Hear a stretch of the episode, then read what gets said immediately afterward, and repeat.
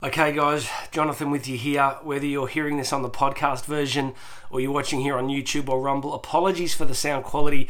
Uh, if you've been following my journey, which began about a week ago, uh, almost getting blown off the road on a motorbike on the way to Queensland, um, I did finally make it up here. But uh, recording high quality audio and video in an apartment with uh, three kids and a dog. is not super easy. So, uh, if you're on the podcast version, apologies, the audio is a bit out. These next few days, I'll be filming on the beach in different places, and uh, we'll do the best we can each day. Um, and uh, yeah, so I just want to say that in case you're wondering what happened to the audio quality. Friends, welcome aboard. These videos will be short, um, not just because of the dog and the kids but because this uh, camera has 10% battery left. You're going, this is great.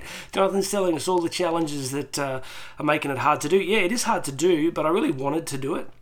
I really want to stay committed to trying to get the content out every single day. I know not everybody sees it every single day. I know that um, you're all uh, accessed at different times.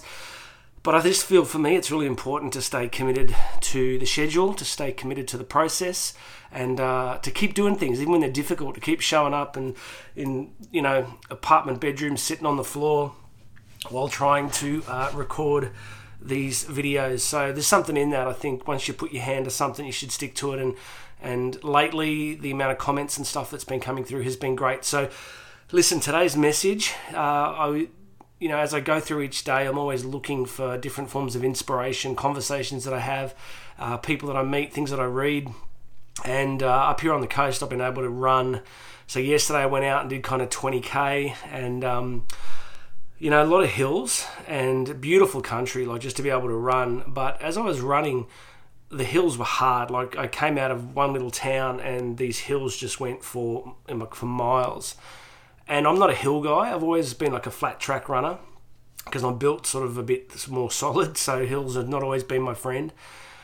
But as I'm going up the hill, I sort of realised that in for me in training, that's kind of the next evolution. Um, now stay with me because I want to make this relevant for you because I know not everybody you know, is is training like I am, but I want to make this applicable for everyone. I realized that the hills were kind of for me the next evolution, the next stage of getting better at something, of doing harder things. So I could keep running flat tracks forever, which is fine, there's no problem with it. But to get stronger, to get fitter, to get faster, you run hills.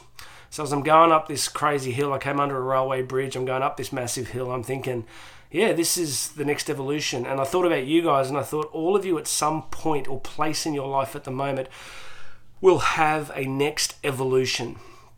We've all got areas of our life that are significant to us. It could be fitness, it could be training, it could be finances, it could be relationships, parenting, all the things we talk about regularly.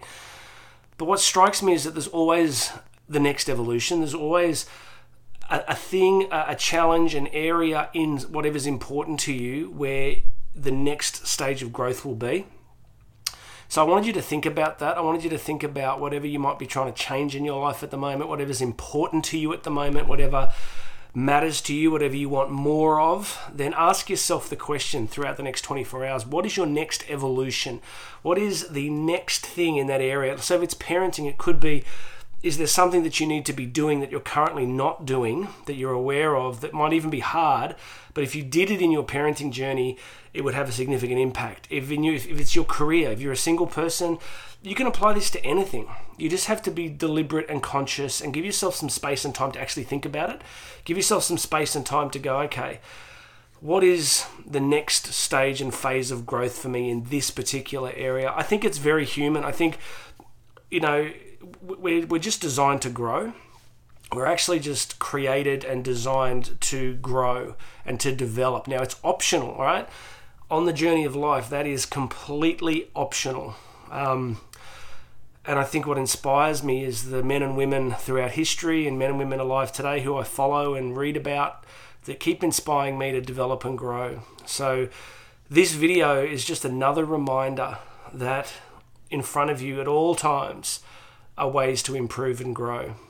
Doesn't mean they're easy, doesn't mean they're going to be necessarily enjoyable. Running up that hill was not enjoyable. Finishing running up the hill was enjoyable. Um, how I felt afterwards was enjoyable. All right, I think I'm about to get invaded by a dog, so I'm going to wrap this up. Um, hope this little idea is useful to you.